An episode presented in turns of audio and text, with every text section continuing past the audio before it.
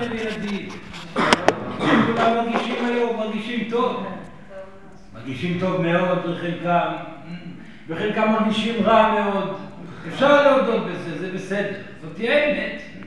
מרגישים טוב ומרגישים רע, יום אחד מרגישים הכי טוב, ואז לפתע ביום לאחר מכן מרגישים הכי רע, ושואלים בכלל איך אה, העזנו להרגיש טוב. יפה. השינויים האלו הם מצוינים.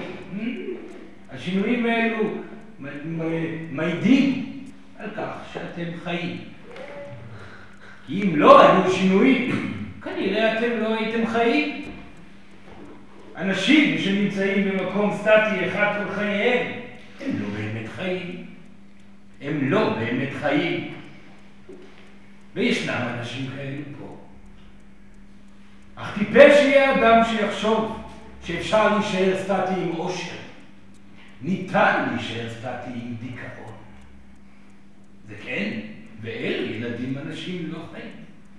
האדם המאושר סובל מאוד, מאוד, מאוד מאוד מאוד. לכן הוא מאושר. מסוגל להסביר למה, אם הוא הצליח לבלבל אתכם כבר במשפט הראשון. אבל לפני שיסביר למה, סורן רוצה לשמוע מה שלומכם, לראות מי נמצא פה, יש פה ילדים שסורן לא ראה כבר זמן, ורוצה לראות מה שלומם, ועל מנת שסורן יוכל לדעת מה שלומם, הוא צריך לגעת בהם ולשמוע את קולם. אז אחד אחד יבואו, יגידו שלום, ויגידו את השם, ויבואו אל סורן. אז ענת, איך היא מרגישה? מרגישה טוב. מצוין, מצוין. יפה מאוד, יפה מאוד. תודה רבה לך, על הכל. תודה רבה. שלום. איך היא מרגישה? לבוא לסורן, להתקרב. היא לא פגשה את סורן ככה. בסדר, לא נורא, סורן פגש אותה ככה, אני לא זוכרת.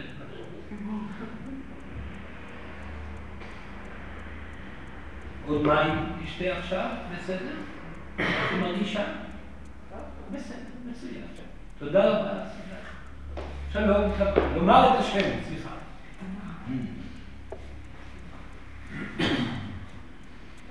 איך היא מרגישה? בסדר, תודה רבה.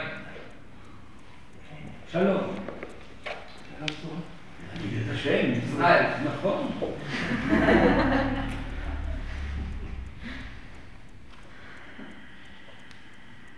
איך ישראל מרגיש? המשפט שאמרת מאוד ליברל.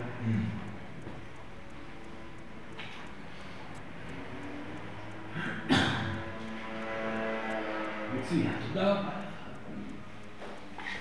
שלום. שלום, נועה. איך היא מרגישה, נועה, היום?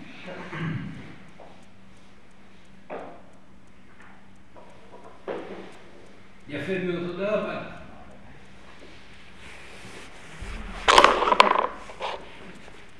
שלום. איך הוא מרגיש? לשתות. מאושר.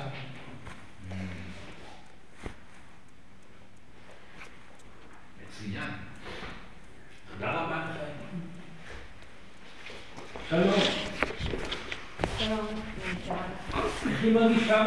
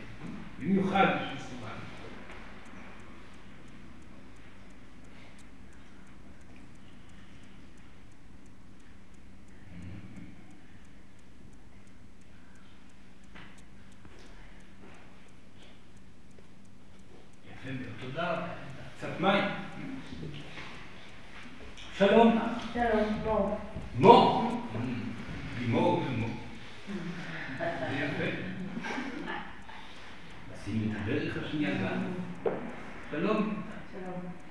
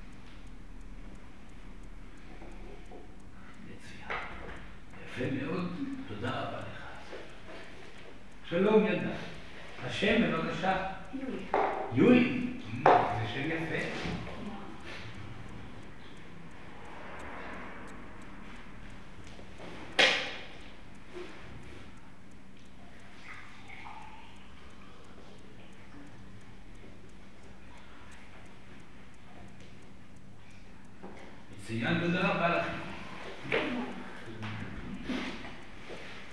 כן. שלום. לומר את השם. איך הוא מרגיש היום? להתקרב לזה.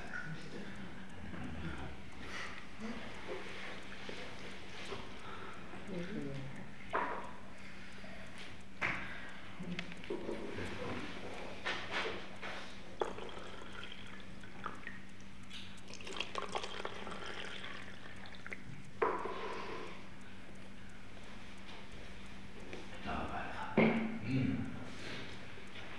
שלום. נעמה. איך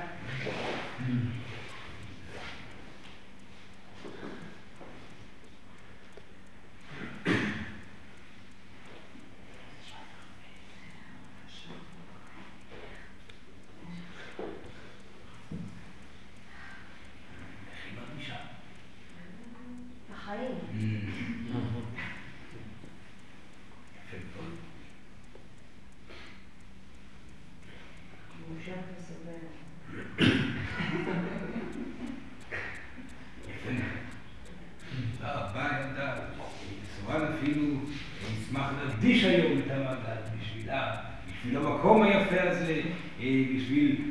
הנוכחי של המקום הזה, ובשביל הגלגולים הבאים של המקום הזה. Hmm? שנמצא בליבה, שכאן יוצא ופורח החוצה, ושם מתוכה. Hmm?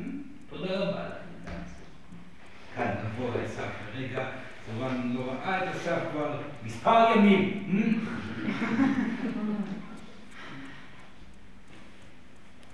איך הוא מרגיש?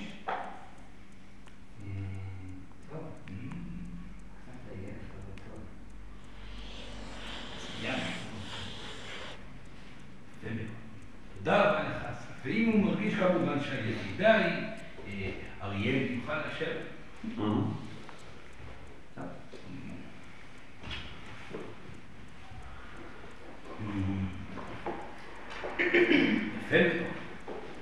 אם כך אנחנו יכולים להתחיל. כמו שסורן אוהב לעשות את הפגישות הללו כאן, המעגלים האלו, שבהם סורן אה, בסך הכל מזכיר לכם נשמות מודעות ויפות את הדברים שאתם כבר יודעים אה, במילים, כמובן, בגלל שאתם זקוקים למילים על מנת שיהוו מראה לידע שיושב בתוככם.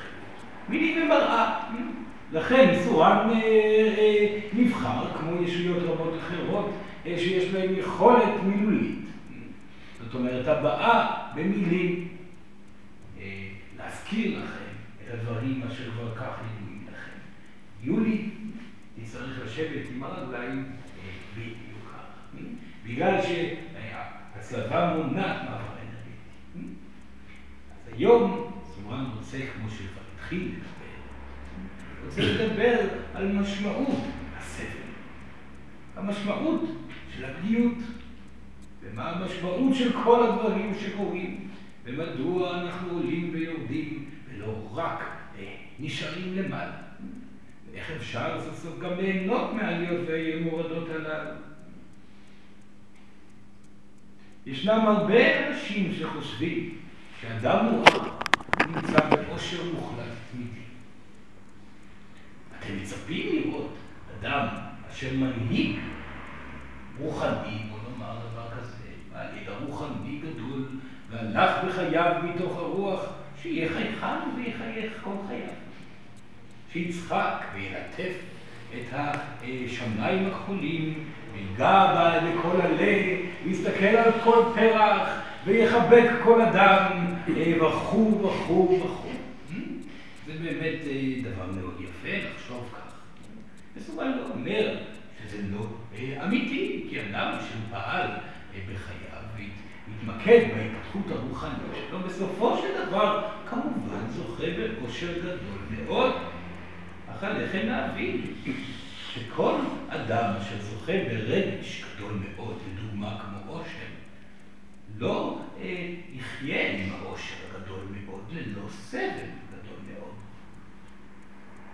אתם, שעדיין דובלים באנרגיה הגברית העולמית, שהולכת להתחלף ממש עוד מעט, בטוחים שאדם לא צריך להראות את הקושי שלו. ואנשים גם חושבים שאם יושב לאדם מנהיג ומורה גדול, הוא לא יכול לבכות, הוא לא יכול לסבול מולם. כי הרי כך הוא מבטל את כל ההנהגה, הרי כך הוא מבטל את כל המשמעות של ההתקדמות. אם סורן יסבול מולכם, מדוע שנלך אחרי סורן? הרי הוא סובל ואנחנו רוצים להיות מאושרים. וזאת הסיבה היחידה, ילדים, מדוע לכך שסורן לעולם לא הולך לסבול מולכם. כי אתם מאוד מפחדים מזה. וסורן סובל מאוד, סובל הרבה יותר ממה שאתם יכולים לדמיין. כי סורן מאוד מפותח, יש לו רטט מאוד גבוה. הוא מוביל הרבה אנשים לישויות רבות. הוא יודע את התורה של העושר בצורה מאוד ברורה. ולכן, מתוך זה, סורן סובל מאוד. הוא לא סובל על עצמו רק, הוא סובל על אין ספור יחידות, על אין ספור נשמות שכואב להם כל רגע בחייהם. הוא חש אותם. לפעמים הכאב הוא כל כך גדול שסורן לא יודע איך להכיל אותו. לפעמים הצעקות הן כל כך קשות שסורן לא יודע מה לעשות והוא צורח לאלוהים, אלוהים הצילו, כל כך קשה לי, אני כל כך סובל. כי סבל יגדל עם העושר. תמיד יהיה סבל. הסבל לא נעלם. ההבדל היחידי שהסבל מתקצר. העומק שלו גדל, כמות הזמן שהאדם סובל מתקצרת. אך האדם המואר, למרות שאין דבר כזה אדם מואר ולא ישות מוארת, ואלוהים בעצמה איננה מוארת. כי לכולם יש מקום להתפתחות עדיין, זאת אומרת שלעולם לא נהיה מוארים. האדם המואר, האדם הגבוה, לא יתבייש בסבל שלו. ויודע בכך שהוא סובל. ומדוע לא יתבייש בסבל שלו? כי הוא ידע היטב איך לעבור אותו. ילדים, החיים תמיד יהיו התקדמות כלפי מעלה, ואז לפתע, דווקא במקום היפה ביותר, הגבוה ביותר, תהיה התמודדות. תקבלו את זה, תתמודדו עם זה. סוד העושר הוא לא לחיות תמיד בגובה. סוד העושר הוא לא להיות תמיד במקום הכי גבוה כל החיים, לא. הסוד הוא ליפול, כן, אך ללמוד איך מתקדמים מהנפילה הזאת. וככל שאתם מיומנים יותר בהתקדמות מהנפילה שאליה אתם נפלתם, כך אתם יותר מוארים. אתם מתקדמים יותר בהתנהלות החוצה מהנפילה. כך אתם יותר מוארים במרכאות. כי הידע הגבוה הוא ידע ההתמודדות. הוא האדם שנפל וידע איך לקום ולהתנהל מתוך הנפילה הזאת. אם זה קשור לייעוד שלו, במקרה שלכם ייעוד יכול להיכלל גם בנושא של כסף, כי אתם חיים בעולם חומרי. ואם זה בנושא האהבה, שיש לה גם 50% מהסיבה שאתם פה, עשייה ואהבה.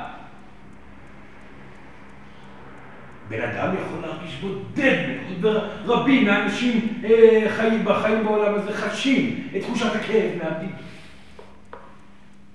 וכאשר הם נופלים למטה, הם צריכים ללמוד איך להתקדם מתוך הכאב, ומתוך הבדידות, ומתוך העולם האכזר שפתאום נגלה מול עיניהם. וגם בילוד אותו דבר. אם נופלים, צריכים לקום ולהתמודד. וככל שאתם טובים ביותר, ויותר ומצליחים יותר להתמודד עם הנפילות, הנפילות הללו מפסיקות לקבל משמעות. וכך הן מתבטלות. הכוונה היא, בסוגריים נגדיל את זה בצורה אחרת, אדם שעדיין נפגע, שמפחד מלהיפגע, שעדיין מגדיר את עצמו פגוע, בסורה מדבר על נושא הזוגיות, נושא האהבה. כנראה לא נפגע מספיק, כי הוא עדיין לא יודע איך להתמודד עם הנפילה שאותה הוא חווה. אדם שמרגיש לא יוצנח. אדם שאיבד את הכל ומרגיש פגוע וכואב מזה, ממותק וללא רצון לחיות. כנראה הוא לא נפגע מספיק, כי הוא עדיין לא יודע איך להתמודד עם הנפילה שאותה הוא חווה. אך כל נפילה היא אחרת. ככה שאלה עולה בראשכם עכשיו. כל נפילה היא אחרת. אהבה אחת היא לא אותה אהבה כמו האחרת. פגיעות שהייתה בעבר היא לא דומה לפגיעות שהיא קורית היום. התמודדות עסקית הקודמת לא דומה להתמודדות העסקית החדשה. זה נכון. המקרים הם שונים, אך ההתנהלות מול הנפילה תמיד תהיה זהה. תמיד ילדים. וזה היופי בדבר. כי לאחר שאתם הצלחתם לעלות בחזרה על ההר הגבוה ביותר, לאחר שנפלתם מההר הגבוה ביותר? אתם מפסיקים לפחד מנפילה. כי אתם יודעים בדיוק מה לעשות בשביל לעלות אל ההר הבא. ואתם צוחקים מול הנפילה. יותר מכך, אתם אומרים, כשנגיע לנפילה, אני אוכיח שאני יכול. זה אפילו מאוד קל, עשיתי את זה בעבר. אך מה שעליכם לזכור, שדרך ההתמודדות היא לא פשוטה בכלל. כי היא דורשת מכם לעשות את מה שהמין האנושי הפסיק לעשות כבר עשרות אלפי שנים בגלל נוכחות הגבריות, האנרגיה הגברית שרובדת פה בעולם. חשבו האנשים שהמשמעות של התמודדות היא לקחת את הכאב ולהניח אותו בצד ולומר, אני חזק, אני מתמודד, אני אצליח, נפלתי, אני אתקדם. מדחיקים את הרגשות ומתחילים לפעול, לפעמים אפילו בדורסנות. ואז מתפלאים מדוע הכאב לא עובר, מתפלאים מדוע הם לא מצליחים, כי זאת לא הדרך לרפא פצע. על מנת לרפא פצע, יש להוציא את המוגלה החוצה. מסורן רופא יכול להיות להגיד לכם את זה בביטחון מלא. כי אם אתם תסגרו פצע שהמוגלה נמצאת עדיין בפנים, הפצע יזדהם, יגדל, ואפילו ימית את הגוף כולו. עליכם לנקות את הפצע מהמוגלה, ולאחר מכן לפעול לסגירת הפצע. ובכל פעם לעשות את זה, לנקות ולסגור, לנקות ולסגור, לנקות ולסגור עד שהפצע כבר נעלם. והצלקת היא אך ורק זיכרון. אתם מתגאים בה. הסתכלו, זה פצע נקי. הצלקת שעל ידי. וכך גם הצלקות שעל ליבי. הצלחתי לנקות אותם. עד שהם הפכו להיות חלק מפאר גופי האנרגטי. אך איך מנקים פצע? מרגישים. ופה הסוד החדש. הסוד המהפכני שהיה ידוע לכולכם. אחי מסורן אומר אותו בקלילות רבה. על מנת לנקות פצע, עליכם לחוש את הכאב שקיים בתוככם. יש כאב. אל תנסו לראות חזקים כאילו אין כאב. יש כאב. הוא צועק. הוא צורח. הוא כואב כמו שאף פעם לא חוויתם אותו אי פעם. תחושו אותו, תבטאו אותו בגאווה גדולה. תבכו אותו עד הסוף, כי אם לא תבכו אותו, הוא יישאר בפנים. אם תחנקו אותו בעשייה, הוא יישאר בפנים וישפיע על העשייה. רגש שנמצא בתוככם ולא מבוטא, הוא בדיוק כמו מוגלה שלא יוצא החוצה. הרגשות לא מיועדים האנושי. סבל שנשאר בתוך הגופים הופך להיות רע.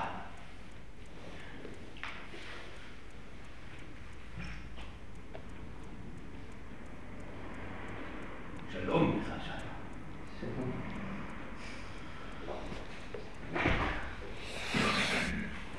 אהבה שנשארת בתוך הגוף הופכת להיות רעל. תשוקה שנשארת בתוך הגוף הופכת להיות רעל. וכך בדידות, וכך מלאות, וכך צחוק. רגע אחד. אדם שחונק את הביטוי הרגשי שלו, הרגשות בהכרח יהפכו להיות רעל בתוך גופו. אדם חייב לבטא את הרגש. האנרגיה הגברית עודדה חוסר ביטוי רגשי. עודדה מעשים, יפה מאוד, צורה גם כן מעודד מעשים, כי מעשה הוא היצירה של העושר. ומעשה הרבה פעמים גורם לעושר לפרוח. אך מה עם הביטוי הרגשי? וזאת השלמות וזאת היא האמת, ילדים. על מנת להתקדם מתוך נפילה, יש להשתמש בשתי הרגליים, לא ברגל אחת, אדם אשר יפעל ויקפוץ רק על רגלו הימנית, הכוונה היא מעשה, מעשה, מעשה, מעשה, יחדש ליפול, להתרסק ויחרב בפעם נוספת. האדם שישתמש רק ברגלו השמאלית, הכוונה היא רק רגש, רגש, רגש, רגש, רגש. ייכנס לדיכאון, כי הוא חש את הכאב כל הזמן, ולא עושה מעשים בשביל להתקדם ממנו. הדרך היא פשוטה, היא כמו שאתם למדתם ללכת. רגל ימין ואז רגל שמאל, ואז ימין ואז שמאל, ואז ימין ואז שמאל, ואז ימין ואז שמאל, ולפעמים פעמיים ימין כי יש אבן באמצע, ואז ממשיכים ימין ושמאל, ואז פעמיים שמאל לפעמים, עד שפתאום אתם שוב בפסגה. להתרגש עד הסוף, להוציא את המוגלה ולעשות מעשה. ליצור, לתת, לחיות, לפעול, לשתות, לצחוק, לבכות, להרגיש, ולהמשיך לפעול. לא ליפול לתוך דיכאון ומערבונת דיכאונית, ולא לפעול בפעולת יתר שתעמל אתכם, אלא רגל ימין ורגל שמאל, ורגל ימין ורגל שמאל, ואת כולם בהגלשה מלאה מכל הלב. לבטא החוצה את הרגשות, להתנקות מהם, ולהמשיך בפעולה. זאת הדרך להתקדם מכל נפילה. וכאשר אתם תוכיחו לעצמכם שאין סיבה לפחד מהדבר שאתם מפחדים, בגלל שאתם הצלחתם להתקדם ממנו פעם אחת, הפחד יתבטל, ולא יהיו נפילות דומות לו. כמובן שיהיו נפילות, אך הן יהיו רכות, הן יהיו שונות. לכן, כאשר אתם מסתכלים על החיים שלכם, הם נראים כעלייה עד הקצה ולפתע נפילה, ועלייה פעם נוספת עד קצה גבוה יותר מהקצה הקודם בנפילה, למקום שהוא גבוה יותר מהנפילה הקודמת. האדם המודע מתקדם כלפי מעלה. האדם הלא מודע לא נופל כלפי מטה, לא בשטות. האדם הלא מודע לא מתנהל בהתקדמות הלמעלה. הוא פשוט נמצא בקו ישר. הוא אדם בדיכאון. הוא אדם שפועל אך ורק כלפי מעלה. מבחינת העשייה, יגלה שההליכה איתה על מישור, ולא משנה כמה כסף הרוויח בחייו. הוא חש תשישות, רקנות, סבל. עליכם להיות גאים בתחושות, ולבטא אותן בצורה מלאה, ולהמשיך ולפעול, ליצור ולתת, ובמינון קבוע לעשות את זה. אך מתי? כשאתם מרגישים. אם עולה בכם כאב, בטאו אותו מיד עד הסוף. אם נפרדתם מאדם, האדם פגע בכם. תיקחו תמונה שלו, תסבלו עד הסוף, תתגעגעו, תבכו, תצעקו. עד שתתרוקנו מהמוגלה ותמשיכו בחייכם. תפגשו אנשים אחרים בשביל לראות איך אתם מתנהלים מול אפשרות האהבה. האמת שזוגיות זו דוגמה מצוינת, וסורן יסביר בדיוק איך להגיע לזוגיות. זאת היא הדרך. האדם שאין לו זוגיות, הוא לא נפגע מספיק מזוגיות. הכוונה היא שהוא עדיין מושפע, עדיין פגוע. הוא לא בחר מספיק, או שהוא לא התנהל לעבר הזוגיות מספיק. אדם שמגיע למקום שבו הוא יכול להכיל זוגיות מלאה, יושב מול המין השני שאותו הוא רוצה, ומרגיש נחת. הוא יודע היטב בליבו שהוא לא צריך להשתנות בשביל אף אחד על מנת שהאחר יאהב אותו. הוא יודע שאדם שהולך לאהוב אותו, יאהב אותו בדיוק כמו שהוא. ויודע, וגם מהצד השני, היטב, שאין לו מה לפחד מפגיעות. בגלל שהוא יודע היטב איך להתמודד עם אותה פגיעות. איך? יבכה. וייפגש עם אנשים אחרים. הוא יבכה עוד וייפגש עוד פעם. עד שהוא לא יפחד יותר. אבל הפחד, הפגיעות, אוי ואבוי, אני אפגע פעם נוספת, צורן, אינני רוצה להיפגע פעם נוספת, אני מעדיף להיות בודד ופגוע ועצוב וסובל בדיכאון כל חיי, מאשר להיפגע פעם נוספת. זאת היא האמת, זה מה שאומרים הבודדים. הם לא מעיזים להיפגע. האדם שלא מעיז להיפגע לא ידע איך להתמודד עם פגיעות. אם אתם תבואו בתור גבר, לדוגמה, כי הוא גבר, אל המין הנשי, ותהיו נינוחים מולו, שלווים, תיתנו מכל הלב, תאהבו ללא פחד, תהיו מדויקים לעצמכם, והכוונה היא באינטראקציה מלאה עם האדם שמולכם. ולא משנה כמה הוא יפהפה, ולא משנה כמה סיכוי יש להיפגע ממנו. אתם תהיו אתם, בגלל שאתם תדעו שני דברים שסורן אמר. דבר ראשון, האדם שיאהב אתכם יאהב אתכם בדיוק כמו שאתם. דבר שני, אין מה סיבה לפחד מפגיעות. באותו רגע אתם לא צריכים דבר, ולכן אתם מקבלים הכל. וכנ"ל יהוד. התמודדו מול הפחדים, התקדמו לעשייה מדויקת. ללא ציפייה, ללא מטרות, כי ציפייה ומטרות המשמעות היא כאב. וללא פחד מנפילה, כי אתם יודעים בדיוק איך להתמודד עם הנפילה. בוכים על מה שקרה וממשיכים לפעול. ביטוי רגשי ועשייה. צד ימין, צד שמאל, צד ימין, צד שמאל, ואתם בפסגה הבאה. ואם התמודדתם עם נפילה וקריסה מערכתית, וראיתם שאין מה לפחד ממנה, בהכרח היא לא תגיע פעם נוספת. בהכרח היא לא תופיע בחייכם, כי אתם כבר יודעים, תודה לנתי, איך להתמודד איתה. יודעים איך להתמודד, אין סיבה לעבור מבחנים פעם נוספת. אך אדם עדיין שמפחד מפגיעות, או מפחד מחוסר הצלחה, לא הגיע למקום הזה. לכן, כל מה שהיה לנו לעשות זה להמשיך לפעול, להמשיך להתמודד ובצורה הכי מדויקת שהוא יכול לעשות. בצורה שגורמת לו להרגיש הכי טוב בעולם. ואם מדובר על ייעוד, מדובר על לא לצפות לדבר, ולא להיות במטרה ותכנון עתידי, לא להתעסק בעתיד. ואם מדובר בזוגיות, לא לפתח פנטזיות על דבר שהוא לא קיים. הפנטזיה היא אגו, יהיו בקרקע. יותר מכך, הרבה פעמים עדיף שתיגשו אל מטרה כמו זוגיות או כמו ייעוד, מתוך ידיעה שאתם לא הולכים להצליח.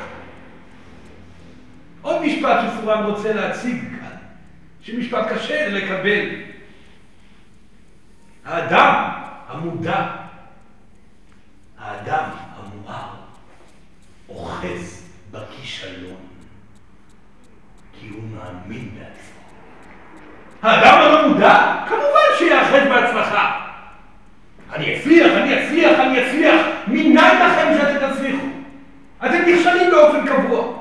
תקבלו את זה. אני אחשל, אבל זה לא אומר שלא אמשיך לעשות. אני אדבוק במטרה שלי להיות מאושר, ולא ארוץ אחרי מטרה להרוויח דבר מסוים שאינני יודע אפילו מהו. ואם אתם ניגשים לראיון עבודה, כמו שרבים מהאנשים שסורם רואה פה בעולם הזה, ניגשים לראיון עבודה אה, בפחד גדול, במצוקה גדולה, כי אתם כל כך רוצים במקום הזה, אתם במצוקה כמובן שהמציאות תיבנה מתוך מצוקה. אך אם תבואו לאותו ראיון עבודה מתוך ידיעה שאתם לא הולכים להצליח, הרגישו את השלווה שנוצרת בגופכם. גם כך אינני הולך להצליח. עכשיו בואו נדבר. עכשיו בוא נראה מי אני ומה יש לי לתת לך, אדוני המנהל. או, אישה מאוד יפה. גם ככה אני לא הולך להצליח. עכשיו בוא נדבר. עכשיו בוא נראה מה יש לי לתת לך, אישה יפה. יאחזו בכישלון. הרגישו שלווה. ותהיו אתם. אם זה גורם לכם לשלווה. לפעמים צריך לעשות את ההפוך. זה לא חוק קבוע. אך רבים מכם נתלים במטרה.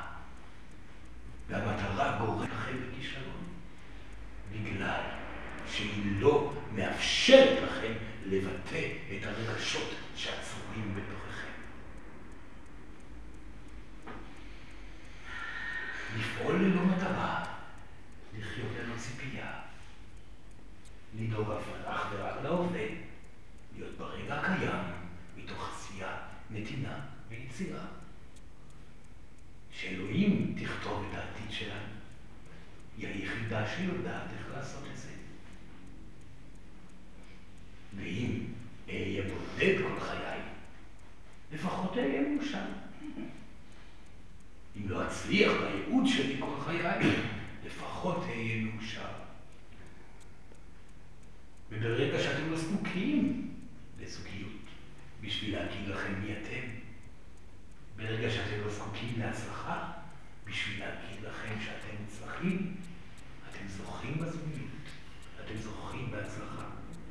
כי כשאתם מרפים מהכל, אתם זוכים בהכל. ואם תיקחו את המשפט הזה לחייכם בכל רגע קיים, אתם תראו שזה נכון. האדם שלא זקוק לדבר, מקבל את הכל. שאלות. Mm, תודה רבה, תודה. בסיום אה, מהר, כי הילד צריך אה, להעביר חלק מהדבר הזה, אם הוא יהיה מספיק אמיץ.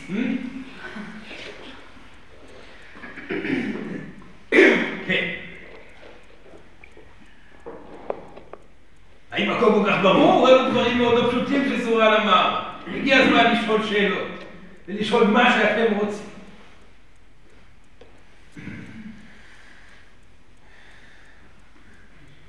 כן, כן, כן. איך אני אדע ש... שמחיתי מספיק?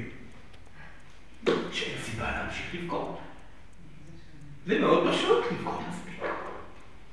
אם הוא יעז לאפשר לעצמו לבכות עד הסוף, אם הוא יעז להתמודד עם תמונת, אה, תמונתה של אהבת ליבו, של אהבה, יסתכל ויאפשר לרגשות לפרוץ החוצה. יום אחד הוא יחזיק את התמונה ויגיד, הנה אישה נחמדה, אך היא לא רלוונטית. הייתי יכול לשבת איתה עכשיו ולשתות איתה את הכוס קפה. זה משפט שסורן מאוד אוהב, לשתות כוס קפה. יש בו הרבה מאוד עומק, כי מדובר על שלווה, לרוב. יש להם אנשים ששותים כוסות קפה מתוך מצוקה, וסורן מדבר על כוס הקפה של השלווה. אם אני יכול לשבת ולשתות כוס קפה עם אותה נערה, הושלם מעגל רגשי. אני בריא, אני חופשי. האדם שבורח עדיין פגוע. האדם שלא מעז ללכת לעבודתו הקודמת, כי הוא מרגיש עדיין כעס, מרגיש מצוקה, הוא עדיין פגוע, הוא לא ביטא מספיק את הרגשות. גלגול הוא השלמה רגשית. השלמה רגשית מגיעה מתוך ביטוי לעשייה. ביטוי ועשייה. כן.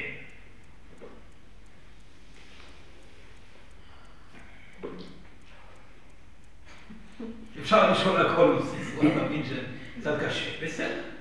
כן. יש לי שאלה. כן.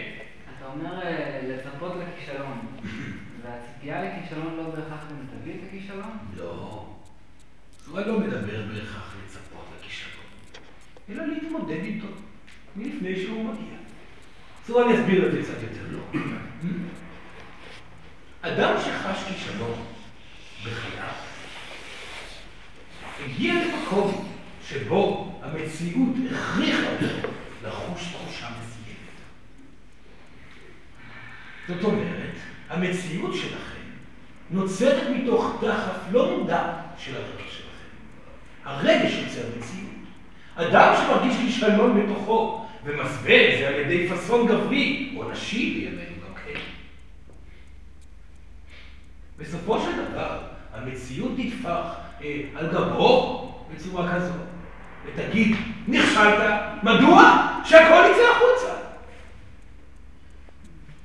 אדם אשר מעז להיחשד לפני שקרה דבר בעולם החיצוני, מבטל את הסיבה שהדבר יקרה בעולם החיצוני, כי הוא כבר חש את תחושת הכישלון, ויתקדם ממנה ללא המעשה החומרי.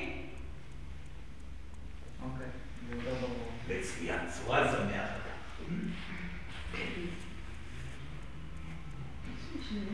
כן.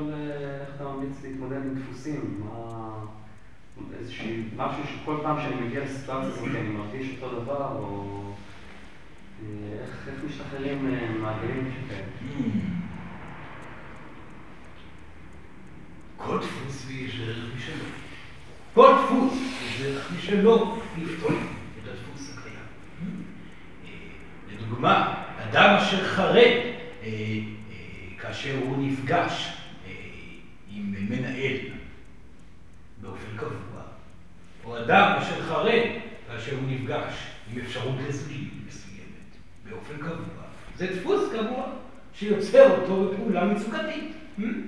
האם הכוונה היא דפוס שלנו? לדוגמה, hmm? הדרך שהאדם לא יפחד ולא יתנהל מתוך הדפוס, הוא שינסה לפתור את הדפוס בהתמודדות מעשית מול הדפוס. המחשבה לא תעזור, היא תבוא לאחר מעשה. ההתמודדות המעשית מול הדפוס הקיים תביא פתרונות. לכן, עליכם לא לפחד מלהיפגע מהדפוס הקיים. עליכם להתמודד עם הכישלון, להתמודד עם האפשרות שאתם תיפגעו פעם נוספת, ולאסוף נתונים חדשים בכל פעם שאתם מתמודדים מול הדפוס הזה. ללמוד מטעויות ולזכור לא לעשות פעולות שגורמות לכם להרגשה רעה מול אותו דפוס. עוד פעולות שנובעות מהדפוס עצמו. ובכל פעם לשנות עוד קצת, ועוד קצת, ועוד קצת. אחר התמודדות מעשית מול הדפוס, לפתור אותו. ההתמודדות חוזרת, מדויקת בכל פעם יותר, תוכיח לכם שאין ממה לפחד, והדפוס יעלה. אימון כושר, אך להתבונן על החיים כאימון כושר. והאמת היא שאלו רק חיים. החיים האלו הם אפשרות שלכם להתמודד עם הפחדים. וככה עליכם להסתכל על החיים. בתור מקום שמולו אתם יכולים להכיל, להתבונן על דפוסים ולפתור אותם. הסתגלו על כל אפשרות כמגרש משחקים, ולא כחיים או מוות. זה רק חיים, מגיע מוות אחר כך. עזבו חיים או מוות. התמודדו, שחקו עם האפשרויות, תיפגעו פעם נוספת, תתמודדו שוב, תנו לעצמכם מנוחה קצת ותחזרו למערכה פעם נוספת עד שהדפוס ייעלם. ובכל פעם שתתמודדו תקבלו מידע נוסף לאיך להתנהל מול הדפוס. זאת עבודה לא פשוטה, ולפעמים ארוכה מאוד. אך תמיד כאשר אתם פועלים בפעולה אקטיבית, יותר קצרה ממה שאתם חושבים. האדם אשר יושב ומנתח את הדפוס מכל כיוון, ובודק שוב ושוב מדוע הדפוס קיים, יגיע לקיר, כי הוא לא פועל ומתמודד מעשית מול הדפוס. אם אתם תתמודדו מעשית, יהיה חומר חדש לנתח ולעכל. אם לא תתמודדו מעשית, תתמודדו שוב ושוב על אותו חומר שאתם נמצאים סביבו כבר חודשים ולפעמים שנים. ההתמודדות המעשית היא זאת שפותרת את הדפוס הקבוע. ובכל פעם להיות יותר מדויקים, בכל פעם יותר רגועים מתוך הדפוס הזה. בכל פעם לשים דגש שאתם ביותר שלווה, יותר נינוחות מול הפחד. עד שבסופו של דבר הפחד נעלם. אבל איך הוא ייעלם? כאשר אתם תקבלו את מה שאתם ביקשתם. זה כבר בידיים של אלוהים. מתי אתם תקבלו את החותמת שהדפוס נעלם? אך אתם תקבלו. ועל מנת לזהות את הקבלה הזאת, אתם צריכים להתנסות בדרך של התמודדות מול הדפוסים. האם זה ברור שם? זה ברור, אני, אני הולך, ברור, ברורה התשובה, אני כבר את השאלה, כן.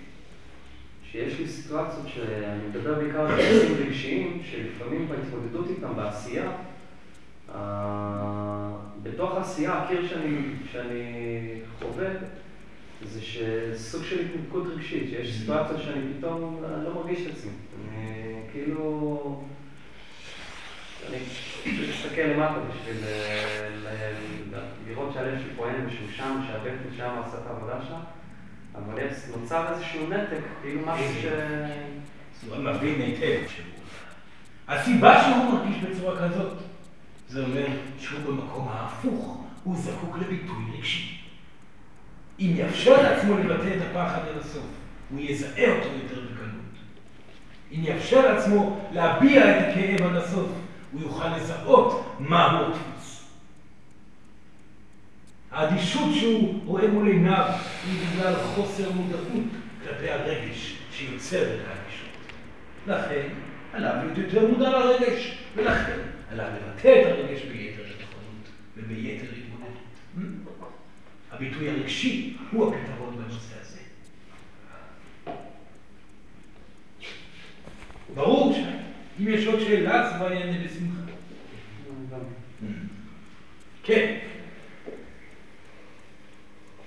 יש לי שאלה. כן. מה, אתה מדבר הרבה על כאב, מה התפקיד של הכאב? למה הוא קיים? יש הרבה מאוד תפקידים לכאב. הסיבה שהכאב קיים, כי ללא כאב לא היה עושר. הסיבה שהכאב קיים, כי אם לא היה כאב, לא היה עושר גדול יותר. הכאב הוא הפעימה. העושר הוא הרפאיה. הלב פועל, מאמץ גופו ומרפא. פועל ומרפא. וכך פעימת החיים האלוהית גם כן. כאב, עושר, כאב, עושר, ולפעמים זה מתהפך. הפעימה האלוהית יכולה כל כך להתרגל לכאב, שלהרגיש שהעושר נמצא דווקא בקיבוץ, בהרפאיה מגיע הסבל. זה מתהפך. אך התנועה חייבת להיות על מנת שהתקדמות. זה הבסיס לחיים. הסבל והעושר כולם קיימים בהרמוניה, רק לא בתוככם. כן.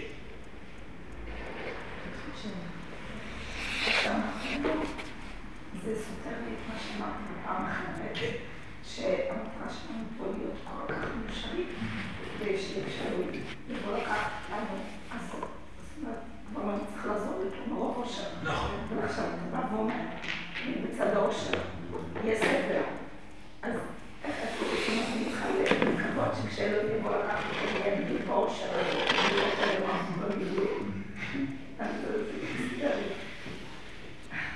נפלא פה בעולם הזה זה האפשרות להתמודד עם הכאב. זה האפשרות להתמודד עם הכאב ולרכוש את העושר פעם נוספת. זה כל כך נפלא שהאמת שיש לזה סיכוי להתמכרות. כי אדם אשר כל כך זוכה בידע להתמודד עם כאבים ולהתמודד עם הנפילות, מפסיק לראות סיבה לחזור למקום שכולו עושר. ההתמודדות פה בעולם היא דבר מדהים. זאת הסיבה שסורן מגיע הנה. זו הסיבה שכולנו בנשמות נמשכות למקום הזה כמו אה, פרפרים אל האור. יש פה משהו נפלא. אתם יכולים להוכיח לעצמכם את ההתמודדות הקדושה ביותר. זה יכול להיות מרתק, זה יכול להיות גן עדן.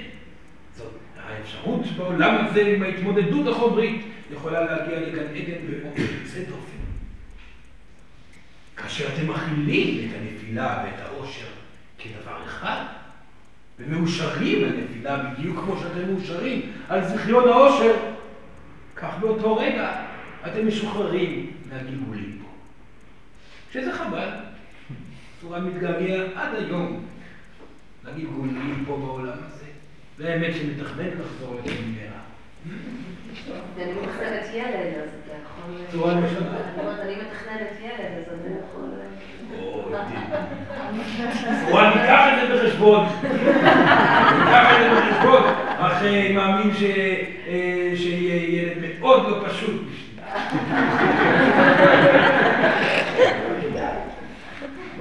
כן. האם יש עוד שאלות? האם זה מספיק לי עכשיו? לי כן יש איזושהי שאלה. יש אנשים שחווים הרבה סבל ומאוד חזקים, ויש אנשים שחווים, שוב, זה הכל נורא סובייקטיבי, שחווים הרבה אושר והם עדיין מאוד עצובים. יש אנשים שניתנות להם המון מתנות, ועדיין החיים שלהם מאוד קשים, ויש אנשים שכמעט לא ניתן להם כלום, ועדיין הרוח שלהם היא עצומה.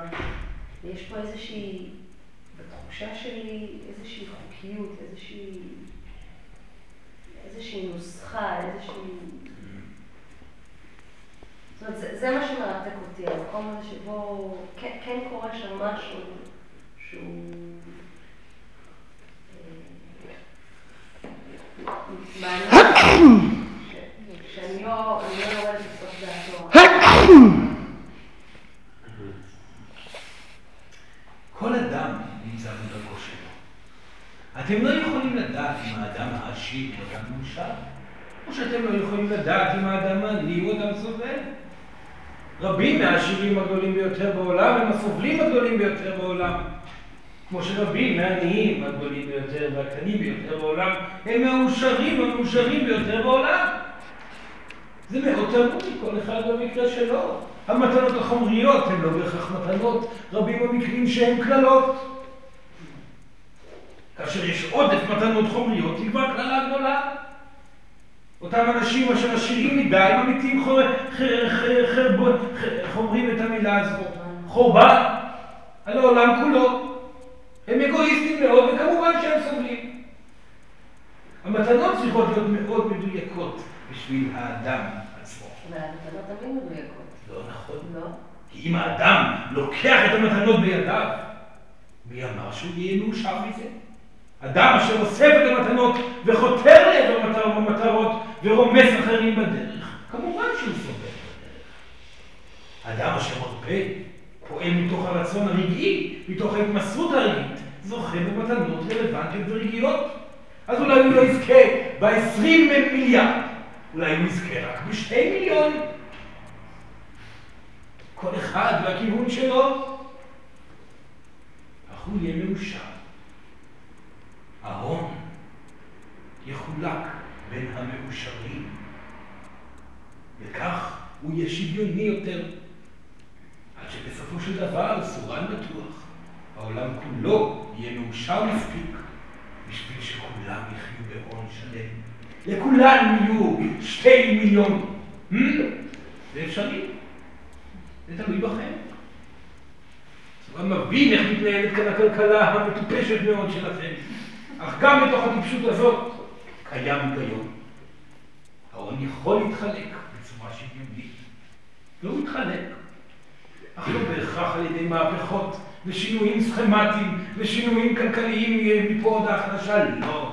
יבוא מתוך. עם א' שורן אומר, עושר יביא לעושר עם עין. וכך זה יהיה גם מדויק. Hmm? עדיף לכם לזכות בעושר שמגיע מתוך העושר, מאשר לזכות בעושר שמגיע מתוך אגו. כי זה אומר שאתם עלולים לאבד את הכל, לא לחיות בסבל כל חייכם, ואז למות ולאבד את כל השטרות שאתם נלחמתם עליהם כל החיים.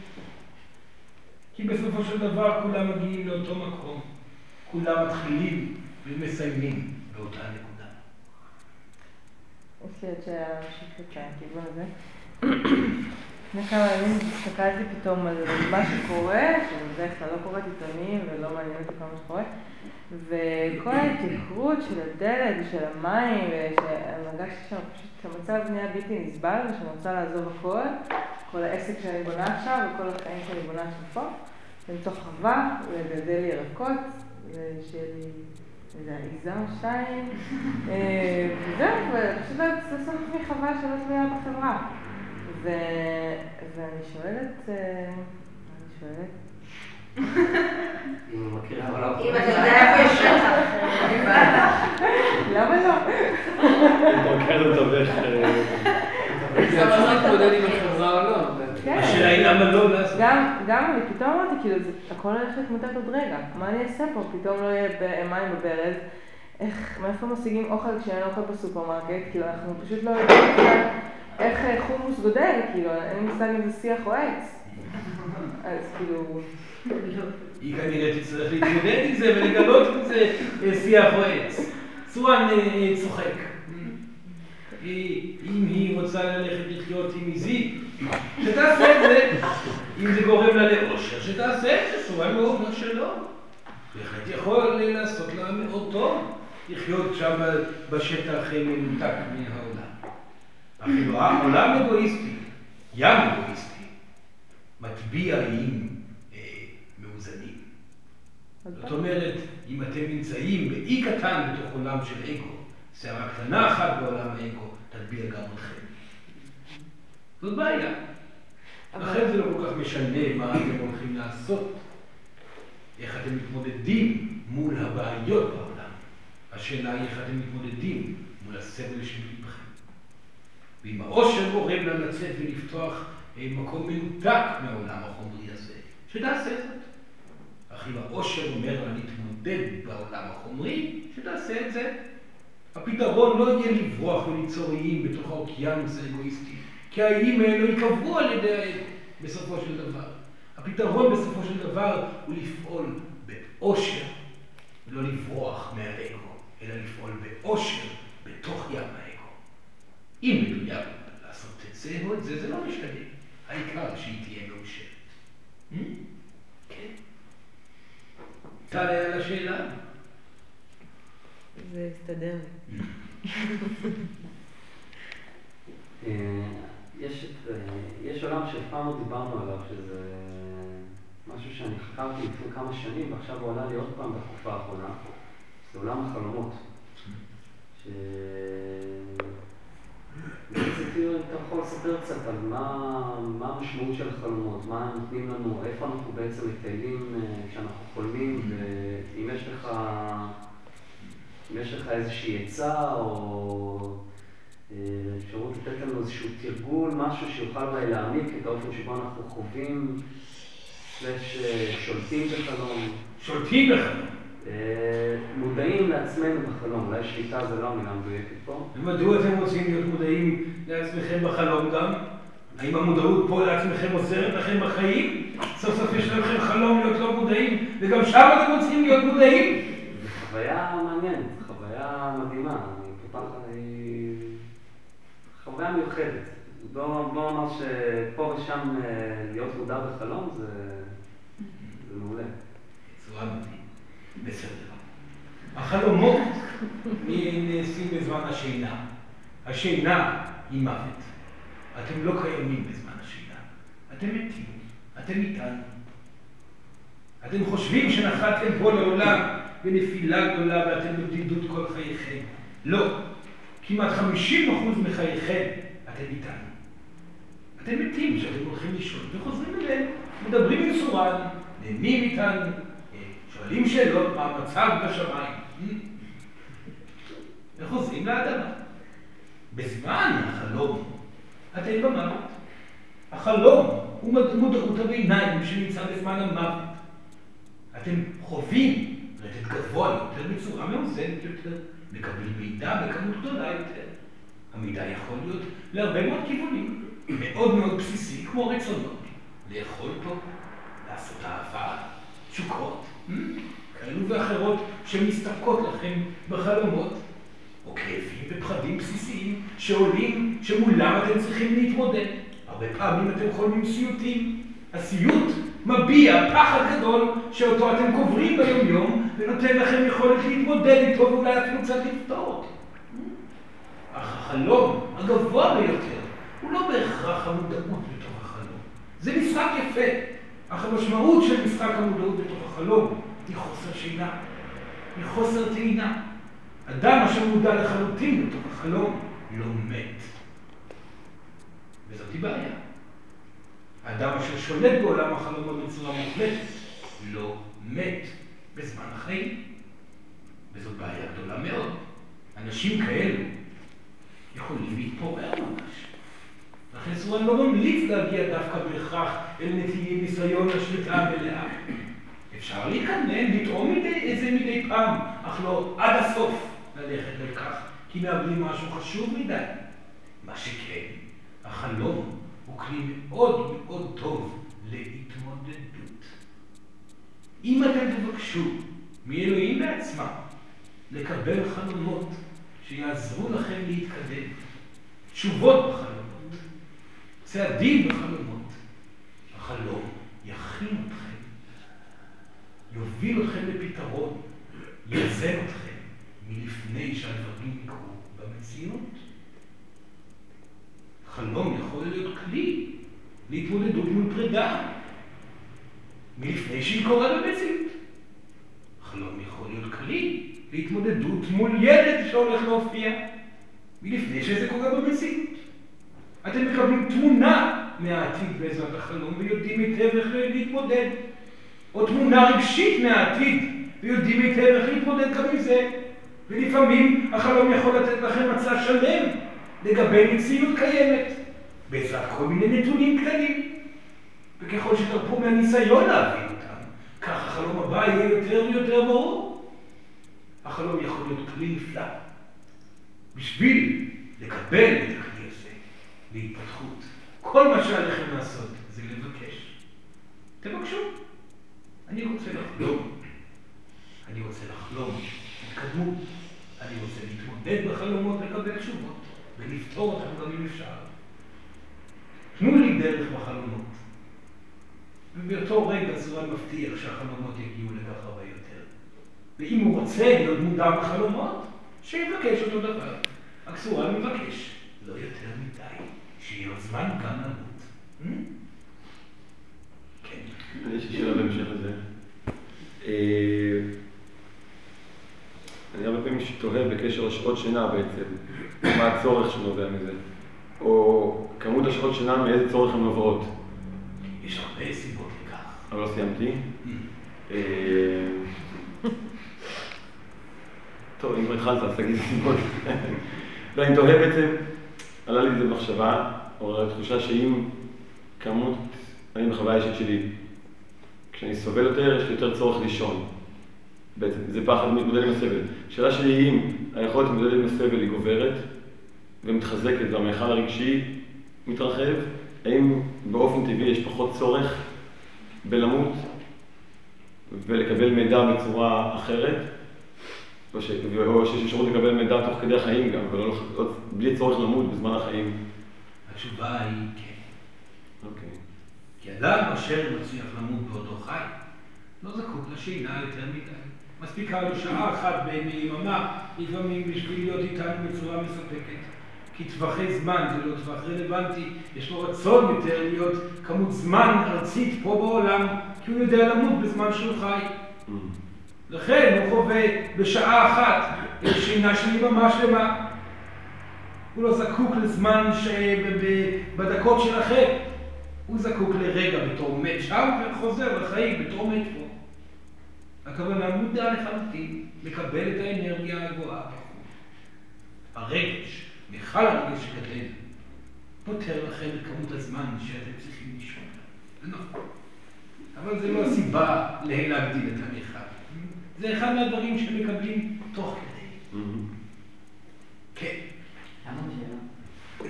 כן, אסף חזק. למה מבוגרים, אה, אנשים מבוגרים ישנים כל כך מעט? שלוש, ארבע שעות שאלה מצוינת. אה, יש סיבות אה, לכך שבאמת אין להם סיבה יותר כי יש להם מודעות חיים גבוהה יותר ביחס לעצמם, הם אינם זקוקים למוות הארוך. ישנם מקרים כאלה. והסיבה האחרת היא סיבה פיזיולוגית אחרת. השינה יכולה להעמיס עליהם בגופם. היא מהירה אותם בגלל חוסר נוחות.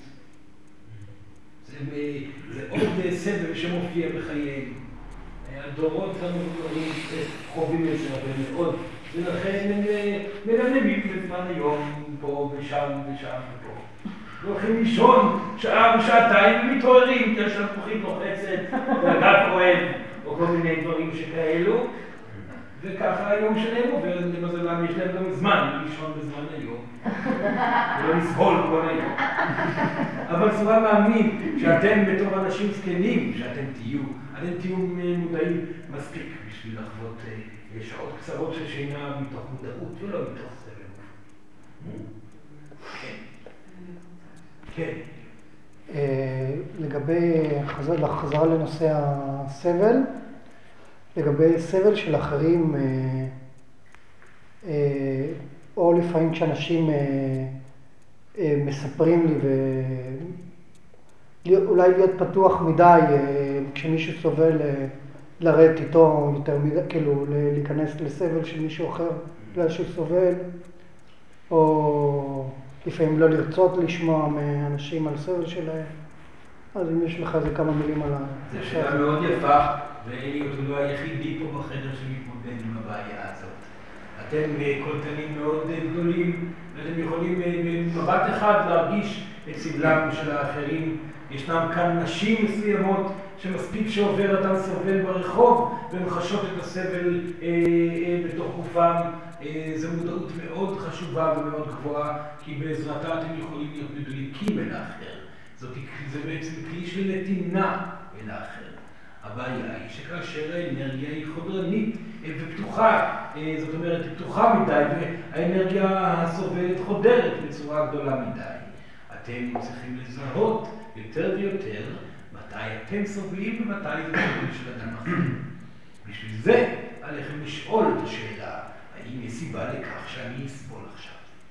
האם יש משהו שקרה לי שאני צריך לסבול?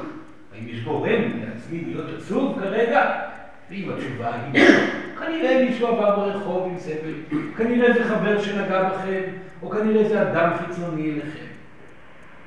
ואם התשובה היא זאת, עליכם לנתק את הסבל החוצה. לשים חומה ולגרור אותה החוצה עם הסבל ולהישאר נקיים, לנשום עמוק ולהמשיך. עד שבסופו של דבר המודעות הזאת תהיה כל כך גבוהה בכם, שאתם לא תצטרכו לעשות את ההפרדה הזאת. זה אימון עליון. ואנחנו לא רואים את הסבל בשביל באמת להיות בנתינה או לעזור? למרות שאי אפשר להציל את כל העולם, אבל... קודם כל שיהיה ניתוק מלא. לאחר מכן השתמשו בטעימת הסבל בשביל לדעת מה עליכם לתת. לטעום. הוא סובל, אטעם רגע בטעימה קטנה, מה הוא צריך? קצת פלפל, קצת מלח. זה מה שיעזור פה. אבל לא צריך לקפוץ לתוכו ולשחות עם הסבל ולשתות ולטבוע בתוכו גם כן. בגלל זה הניתוק האנרגטי יאפשר לכם טעימה אנרגטית שתאפשר לכם נתינה מדויקת. זה אימון, אי אפשר לעשות את זה ברגע אחד. גם אני מרגישה, בהקשר הזה לא מספיק על הסבל של האדמה, של העולם, כשאני מטיילת בים ורואה מלא זבל, זה פשוט סבל שאני רואה אותו, ואני... מה... כאילו גם זה? לא כמובן. לא, זה לא חלק ממנו, זה חלק ממנה, אך זה לא אומר שהיא צריכה לתבוע עם הדגים והסבל בים. עליה להתמודד עם זה. היא לא יכולה להתמודד עם זה כאשר היא חלק מזה. עליה להיות מנותקת מזה במידה מסוימת, על מנת לדעת מה לעשות בשביל שהיא תרגיש יותר טוב. לא לפחד להטיל אנרגיה חיצונית החוצה מכם בשביל לדעת איך להתנהל מולה. אתם לא תוכלו לבחור בחירה מדויקת אם אתם תהיו מעורבים בה בתוכה יותר מדי. כן, הייתה פה שאלה. אה, רציתי לשאול, אה, לא כל כך הבנתי, מה זה להיות מודע בתוך שינה? מודע למה? Hmm, זו שאלה, סורן מכיר אה, כל מיני תורות שפיתחו, שכמובן שהן תורות אגואיסטיות לחלוטין, אה, אה, של אנשים אשר ניסו להגיע לרמת מודעות בחלום, ברמה שכזאת שהחלום יהפוך להיות דומה למוות שאתם מכירים בחיי שלכם. כי אנחנו, במוות שלנו, יכולים ליצור הכל ברגע אחד. צורה שהוא הולך מפה, ופה הוא נהנה מאוד לקחת את הכוס הזאת לפה ולהעביר אותה לכאן, במוות שלו הוא יכול לעשות אה, ככה ועיוורת. יכול להחליט שהוא פורס כנפיים ועף לשמיים. יכול להחליט שהוא מטייל ביקומים אחרים. הוא יכול להחליט לרגע אחד להיות אסף. הוא יכול להחליט לרגע אחד להיות כיסא. יש את כל האפשרות במוות. החלום הוא מוות. לכן האדם שמודע בזמן החלום, זוכה ביכולת להתנהל כמו במוות. הדבר הזה הוא חוסר רצון להתמודד עם המציאות הקיימת, זאת בריחה ממציאות. בגלל זה אה, המודעות הזאת אה, בתוך החלום היא מודעות שהבסיס שלו הוא אגואיסטי. לא שאפשר לטעום מדי פעם, כמו יין טוב, לשתות לפעמים, אבל לא לשתות כל הזמן יין. אתם תהיו שיכורים ולא תהיו נוכחים. כן. תודה רבה.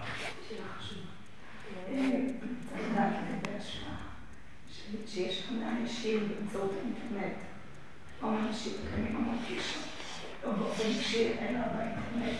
אם למשל מישהו מפרסם משהו מאוד אישי באינטרנט, וקוראים אותו המון אנשים, אפילו אנשים שלא יודע, ומיד שולחים לו מחשבות, חלק מקנאים, חלק זה, הם יכולים לפגוע זאת אומרת, יש השפעה אנרגטית שיכולה... כמובן, כמובן.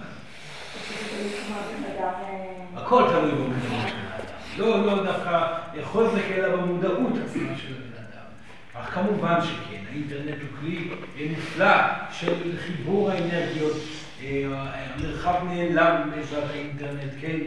וכמובן שאם אה, סורן יכתוב שסורן היום זכה בפרס אה, בשמיים של הישות הגבוהה ביותר, פה ושם ושם. כמובן שיקנו בו אנשים פה באינטרנט שיחסו על כך וישלחו אנרגיות קשות. כמובן שזה יקרה, לכן סורן מדייק גם את מה שהוא כותב באינטרנט. הוא התחיל לעשות את זה לפני שבוע, וימשיך לדייק את זה שם, כי הוא לא רוצה יותר מדי אנרגיות לכיוונו. כן, יש צורך לדייק באינטרנט, כמו שיש צורך לדייק בשיחה יומיומית. באותה מידה. כן, זאת תהיה השאלה האחרונה שלנו. כן, אתה יכול רק לפני שאתה מסיים, פשוט להגיד את ה... אה, כאילו לסכם, לסכם. למשל, אמרנו אה, ביטוי מעשי וביטוי רגשי, אמרנו בקשה להתמודד עם חלומות, כי אני רוצה לצאת שאני מפוקס ב... ומה לעשות, אוקיי? כי לפעמים השיחה היא ארוכה, ואז אני בעצם לא זוכר, כאילו... את עיקרי הדברים. סורן מאמין שהוא יצא עכשיו וייתן לילד לסכם את עיקר הדברים. תודה רבה לך על השאלה, תודה רבה לכם ילדים. סורן נשאר פה, מודה לכם מאוד על הכל, וסורן נראה אתכם בהמשך. תודה רבה. תודה.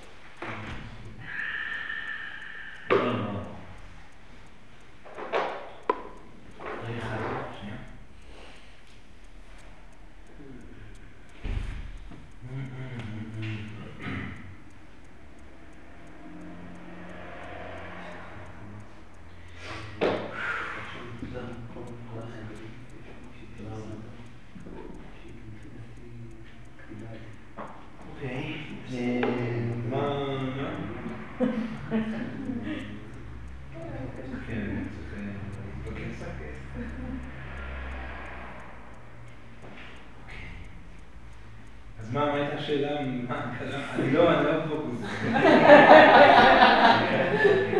אה, אוקיי. מה סיכום של זה?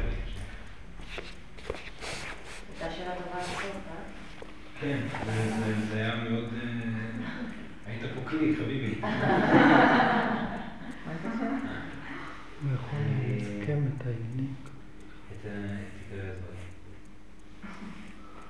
תראו, אני, אני, אני, מה שאני יכול לבטא, כאילו, ולהגיד, זה רק מתוך הניסיון שלי. אה, ו... הנושא שסורן דיבר עליו היום, אה, הנושא שאני התמודדתי איתו בשנה האחרונה בצורה מאוד מאוד ברורה. אני הגעתי למקום שאני לא ידעתי איך מקדמים ממנו. אני הגעתי למקום שאני ידעתי שאני יכול להתקדם ממנו הלאה, אבל אה, אני לא האמנתי בזה כבר. אני לא חשבתי שזה באמת יכול לקרות.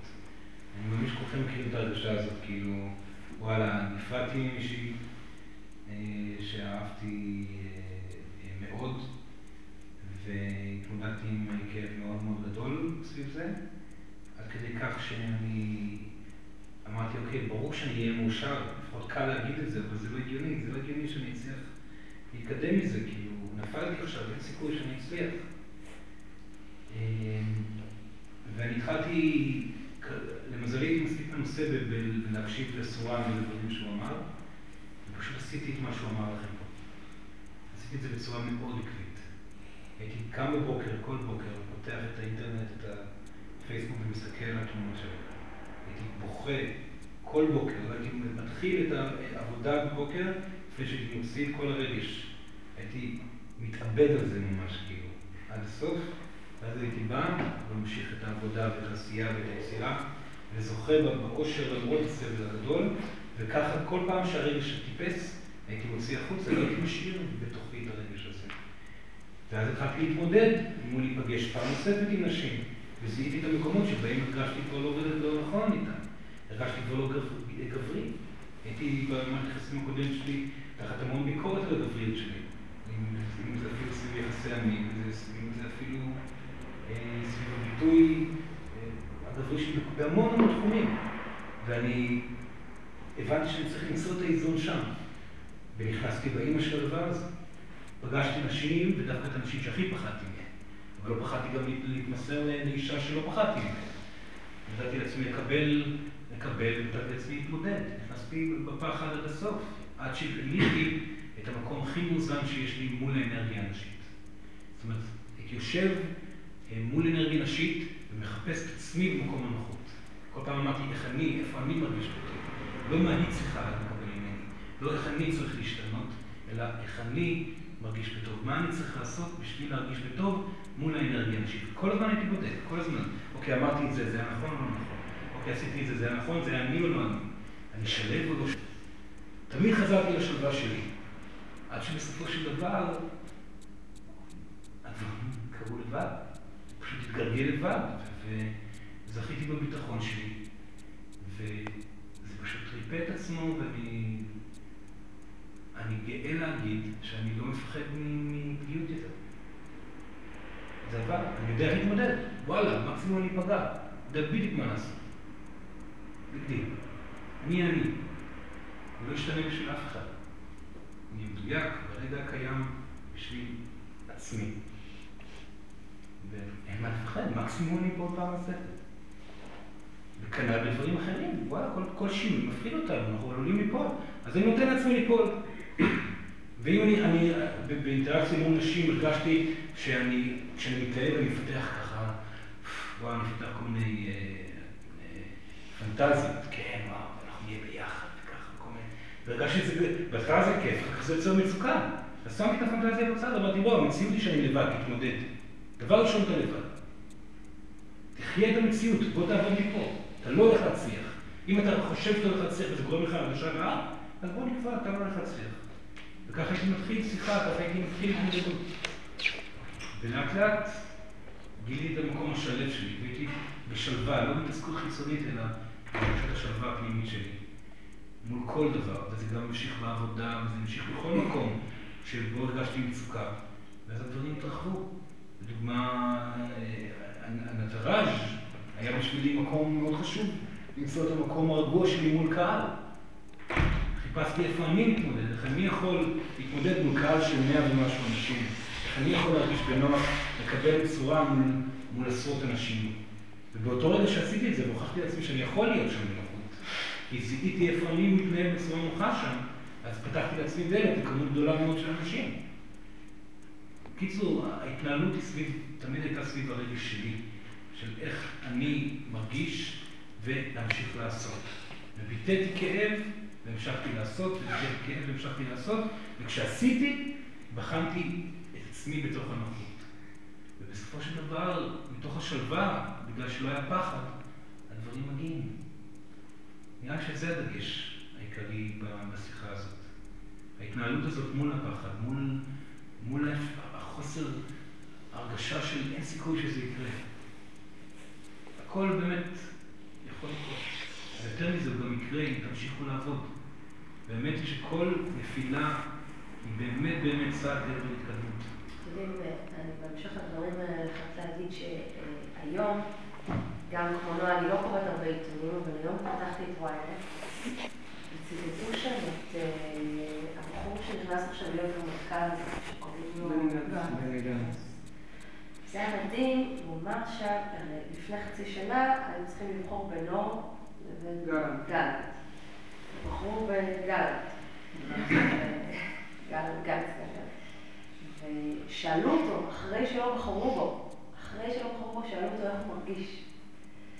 הוא אמר שהוא רוצה לצטט את אימא שלו, שנתנה לו את העצה הכי טובה בחיים. היא אמרה לו שהדלת, שהצליל של הדלת זה תמיד הצליל של הדלת שנפתחת, ולא הדלת שנטרקת.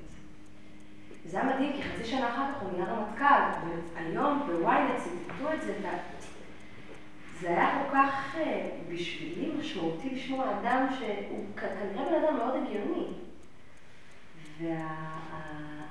ובסיטואציה, במשמעות הזאת, שהוא עשו ציטוטים שלו מלפני חצי שנה, איך הוא אמר את זה בכזאת...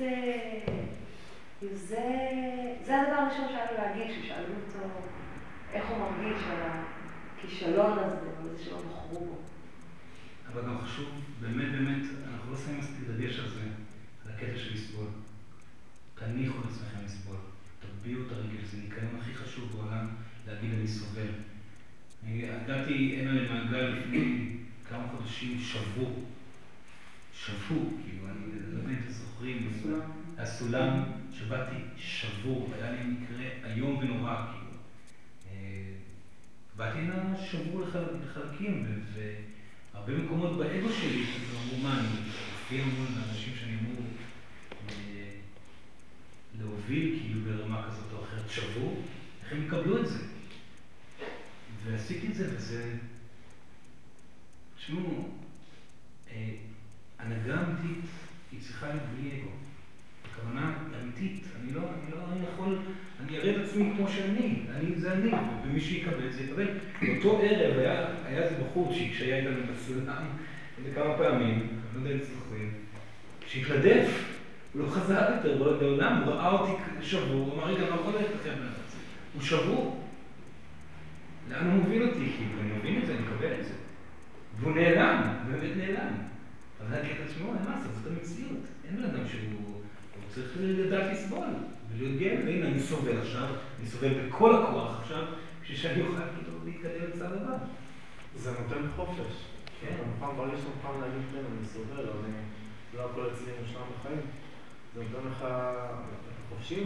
ניקיון גם, ואז אתה יכול לבוא נקי לצד הבא. וזה עובד, זה עובד ברמות...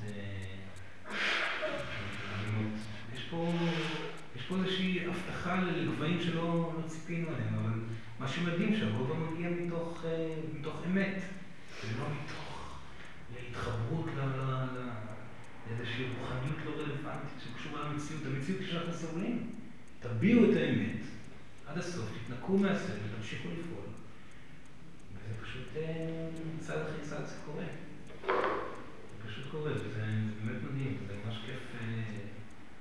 צריך לגלות את זה כל פעם מחדש.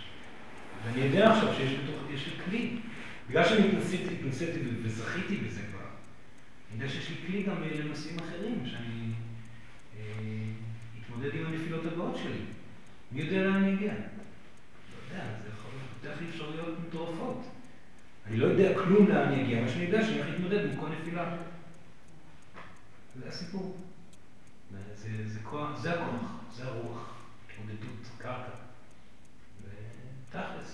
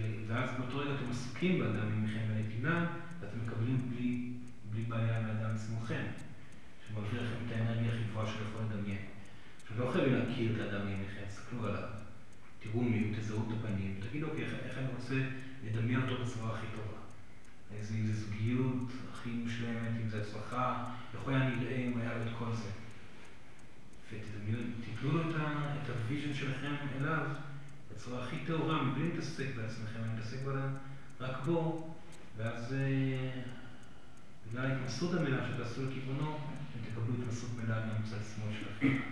זה מאוד מנקה ומאוד כיף. אז שלוש שאיפות עמוקות ונשיפה השלישית נתינה על הדמים.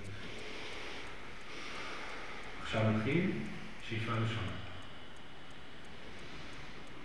נשיפה. שאיפה שנייה. נשיפה. שאיפה שלישית. נתינה.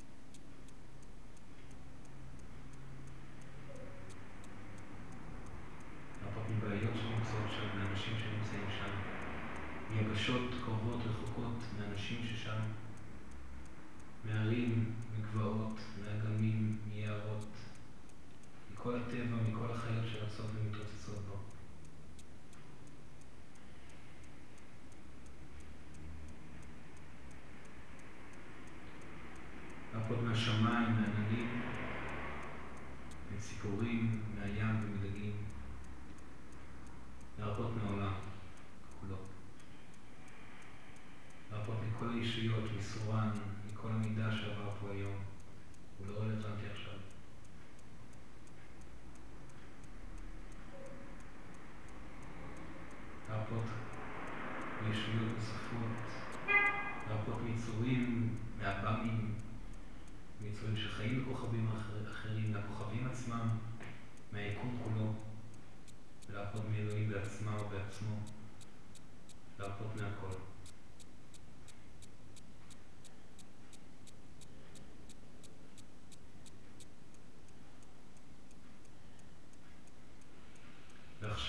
ועכשיו, כשלא